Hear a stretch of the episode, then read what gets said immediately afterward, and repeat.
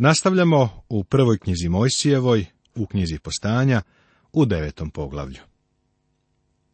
Tema Novi saveti i sporazum Greh Noja i njegovih sinova Evo nas na novom početku. Nama je dosta teško da razumemo koliko je revolucionaran ovaj početak. Razdoblje ljudske savesti je završeno i Bog sada čoveka stavlja pod vladavinu sam sobom treba da upravlja. Nešto u vezi sa ovim vidjet ćemo u savezu koji je Bog sklopio sa Nojem. Imajmo na umu to kada je Bog sa Nojem sklopio savez, on je to učinio i sa tobom i sa mnom, jer je to savez sa celim čovečanstvom. Novi saveti i sporazum. I Bog blagoslovi Noja i sinove njegove i reče im, rađajte se i množite se i napunite zemlju. Reč napunite ovde je značajna jer znamo da je pre potopa postojala civilizacija, a sada nakon potopa treba da se uspostavi jedna nova civilizacija. Kada je Adamu rečeno da napuni zemlju, pretpostavljamo da je tada pre Adama bilo živih bića. Ne znam kako da ih nazovem. To su očigledno bila živa bića iz Božjeg stvaranja. Sve drugo što bih u vezi sa ovim rekao, bila bi čista spekulacija. Zapazi da prvo što Bog govori Noju jeste, rađajte se, množite se i napunite zemlju. Ljudski rod treba da se razmnožava. Seti se da je Bog ovu zapovest dao pod specijalnim uslovima. Danas živimo u dobu populacione eksplozije, tako da postoji preveliki broj stanovnika zemlje što je poprilično opasno. Međutim, Noe se nalazio u jedinstvenoj situaciji. On i njegova porodica bila su jedina ljudska bića. Možeš li da zamisliš kako se voziš autoputem, ujutro ideš na posao, a kola su ispred tebe, pored tebe, sa leve i desne strane kola su iza tebe, čuju se silne automobilske sirene, u saobraćajnoj si gužvi.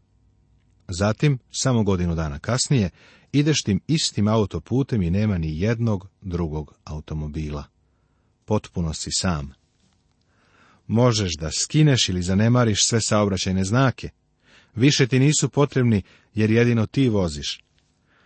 Ovo bi za nas bilo vrlo neobično iskustvo, zar ne? Eto, takvo je bilo Nojevo iskustvo u to vreme. I sve zveri zemaljske i sve ptice nebeske i sve što ide po zemlji, sve ribe morske, neka vas se boje i straše, sve je predano u vaše ruke. Drugi deo saveza jeste čovekova zaštita i vladavina nad životinskim svetom. Smatram da je pre ovoga odnos bio drugačiji. Očigledno, čovek pre ovoga nije jeo meso. Sve životinje su bile pitome i čovek nije imao težnju da jede životinju koja je bila kao kućni ljubimac. Seti se da su pred sam potop životinje dolazile kod Noja. One kao da ga se uopšte nisu plašile. Sada će se životinje plašiti i strašiti čovek, ali čovek je odgovoran za životinski svet. Čovekovo postupanje sa životinskim svetom je okrutna priča. Čovek nastoji da istrebi mnoge životinje. Čovek bi radi novca poubijao sve kitove oko Havajskih ostrova da vlada ne interveniše. Nekada su krda bizona u velikom broju prolazila zapadom Sjedinjenih država, ali ih je čovek istrebio. Danas su nam neophodni rezervati, kao mesta utočišta u kojima se štiti životinski i ptičiji svet. Dobro je što ih tako štitimo afričke životinje se istrebljuju. Čovjek je, znate, veoma brutalno biće. Potrebno je da vlade država zaštite životinje od čoveka. Što god se miče i živi, neka vam bude za jelo, sve vam to dadoh kao zelenu travu. Bog sada čoveka obskrbljuje hranom. Pre potopa, Bog je čoveku za ishranu dao zemljino rastinje, biljni život. Sada on govori Noju da može da jede i životinski svet. U ishrani postoje i hirovi i obično te stvari postaju deo religije jedne osobe. Jednom sam upoznao jednu gospođu koja je bila vegetarijanac. To je bio sastavni deo njene religije. Bila je vrlo uzbuđena kada sam joj rekao da su ovi ljudi iz Sarine također svi bili vegetarijanci. Ona je tako smatrala da je to potkrepljivalo njen stav da svi treba da budemo vegetarijanci. Njen asistent je sve to zapisivao. Međutim, mislim da je kasnije ipak izbrisala te beleške, jer sam joj rekao sljedeće. Da sam na vašem mestu, ne bih tome davao mnogo značaja, jer treba da imate na umu da je baš mnoštvo vegetarijanaca bilo uništeno u potopu. Da je dijeta na bilo koji način u to vreme uticala na ljude da se poboljšaju, ne bi bili uništeni. Ovdje vidimo da Bog sada dozvoljava čoveku da jede meso. Međutim, Bog zabranjuje da se jede krv. Ali ne jedite mesa s dušom njegovom, a to mu je krv. Krv treba da se ispusti. Krv govori o životu. Ispuštanje krvi ukazuje na to da se životinja ubija na milosrdan način, a ne na dugotrajan način kroz koji životinja pati. Osim toga, životinja mora stvarno da bude mrtva. Iako ja uživam u sportskom lovu, ne volim da ubijam, na primjer, prepelice, jer ponekad samo ranim pticu i ona otpuže, pa onda ne mogu da je nađem. Ne volim to da činim. Bog kaže da kada nameravaš da jedeš životinje, moraš biti siguran da ih nećeš jesti sa njihovom krvlju. Krv treba da se ispusti, što opet ukazuje na to da životinja ubijena na milosredan način jer ću i vašu krv duše vaše iskati, od svake ću je zveri iskati iz ruke samog čoveka, iz ruke svakog brata njegova, iskaću dušu čovečiju. Ovo je zanimljiva izjava, ali ne tako značajna za one od nas koji ne žive na granici. Međutim, ima nekih životinja koje čak i srećemo, kao što su tvorovi o posumi koji su možda besni ili su glodari prenosioci bolesti, oni za čoveka predstavljaju stvarno veliku opasnost. Sada dolazi peta i posljednja izjava u Novom savezu. Ona najviše iznenađuje. Ko prolije krv čovečiju, njegovu će krv proliti čovek, jer je Bog po svome obličju stvorio čoveka. Ovde Bog postavlja princip za vladavinu i zaštitu čoveka. On vlastima daje pravo na smrtnu presudu. U ovom novom savezu koji je Bog dao, vidjeli smo da čovek treba da se razmnožava, da treba da vlada životinjama i da ih štiti i da mu Bog obezbeđuje novu hranu, ali i da mu je zabranjeno da jede krv. Sada vidimo da mu se daje princip za upravljanje. Ovo je osnov za smrtnu presudu. Smejem li reći da je zapanjujuće koliko se današnja generacija udaljila od Biblije? Vidiš više nemamo populaciju koja je orijentisana na sveto pismo. Ljudi su u skoro potpunom neznanju u vezi sa Božjom rečju. Kao rezultat toga vidimo kako sudije, pravnici i političari svi žele da se oslobode smrtne presude. U mnogim slučajevima su uspeli u tome, pa smatram da će ona konačno biti potpuno uklonjena iz američke kulture uskoro. U isto vrijeme imamo porast kriminala, a izvršavanje najužasnijih kriminalnih prekršaja.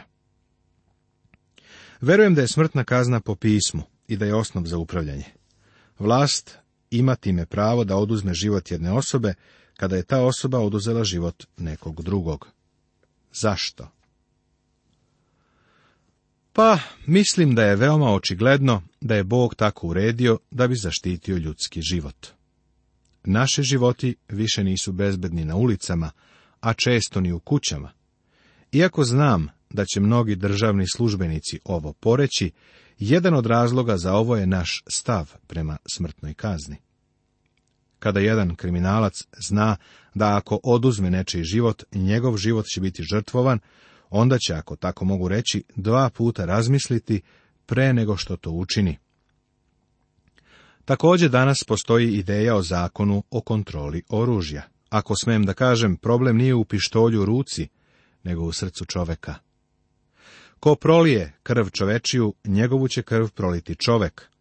Jeste zakon koji bi bilo bolje da što pre vratimo u naše zakonske knjige i da se oslobodimo sentimentalizma. Ljudska vladavina je oblast u koju je zašlo celokupno čovečanstvo, uključujući i neznabošce. Ko prolije krv čovečiju, njegovu će krv proliti čovek, jer je Bog po svome obličju stvorio čoveka. Ovo je osnov za vladavinu ljudi. Ovo se nije promenilo, bar što se tiče svetske uprave. Rađajte se dakle i množite se. Narodite se veoma na zemlji i namnožite se na njoj. Ovde se ponavlja Božje uputstvo iz prvoga stiha.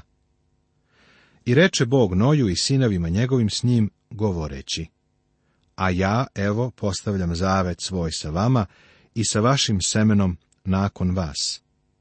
I sa vašim semenom nakon vas podrazumeva celokupni ljudski rod.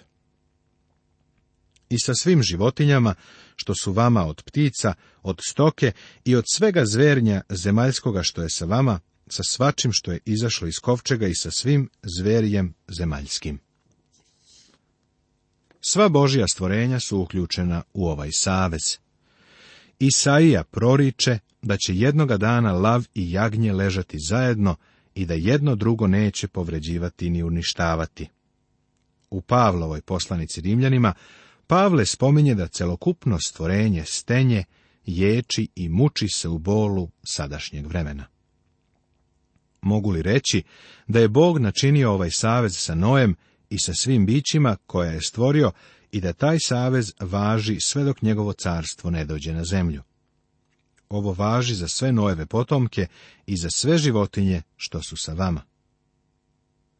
Postavljam zavjet svoj s vama, te od sada neće ni jedno telo poginuti od potopa, niti će više biti potopa da zatre zemlju. Ovo je Božje obećanje.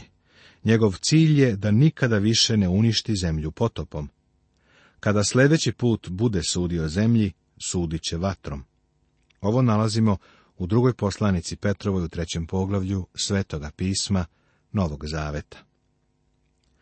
U sljedećih nekoliko stihova vidimo sliku saveza, a po mom mišljenju i pravo duhovno značenje saveza. Ovo je neka vrsta sakramenta. Ovo je vidljivi znak koji dopunjava obećanje.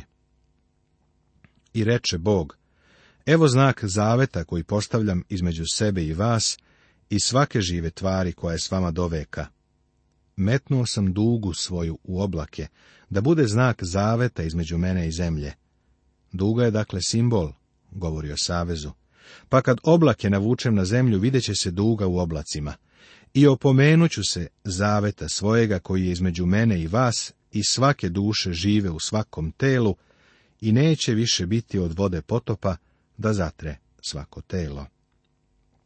Duga će biti u oblacima, pa ću je pogledati i opomenuću se večnoga zaveta između Boga i svake duše žive u svakom telu koje je na zemlji. Zapazi da Bog kaže, pa ću je pogledati i opomenuću se. Bog nije rekao da ćeš je ti vidjeti, nego da će je On vidjeti. Rekao je da će On pogledati dugu i da će ona biti večni zavet između Boga i svake duše žive u svakom telu koje je na zemlji.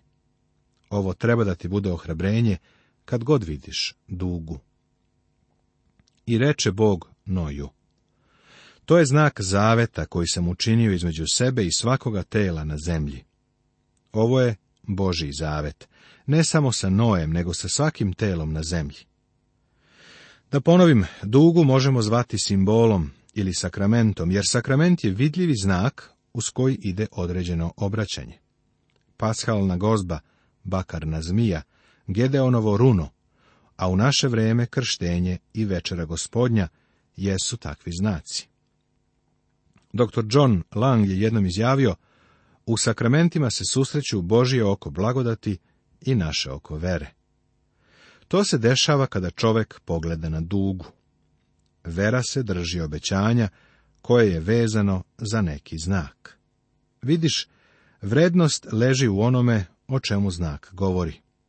Nema vere u obećanju, ni obećanja u znaku. Reč i znak idu zajedno. Bog daje obećanje i vezuje ga za znak. Duga je Boži odgovor na Nojev voltar. To je kao kad bi Bog rekao, pamtit ću, pogledat ću je.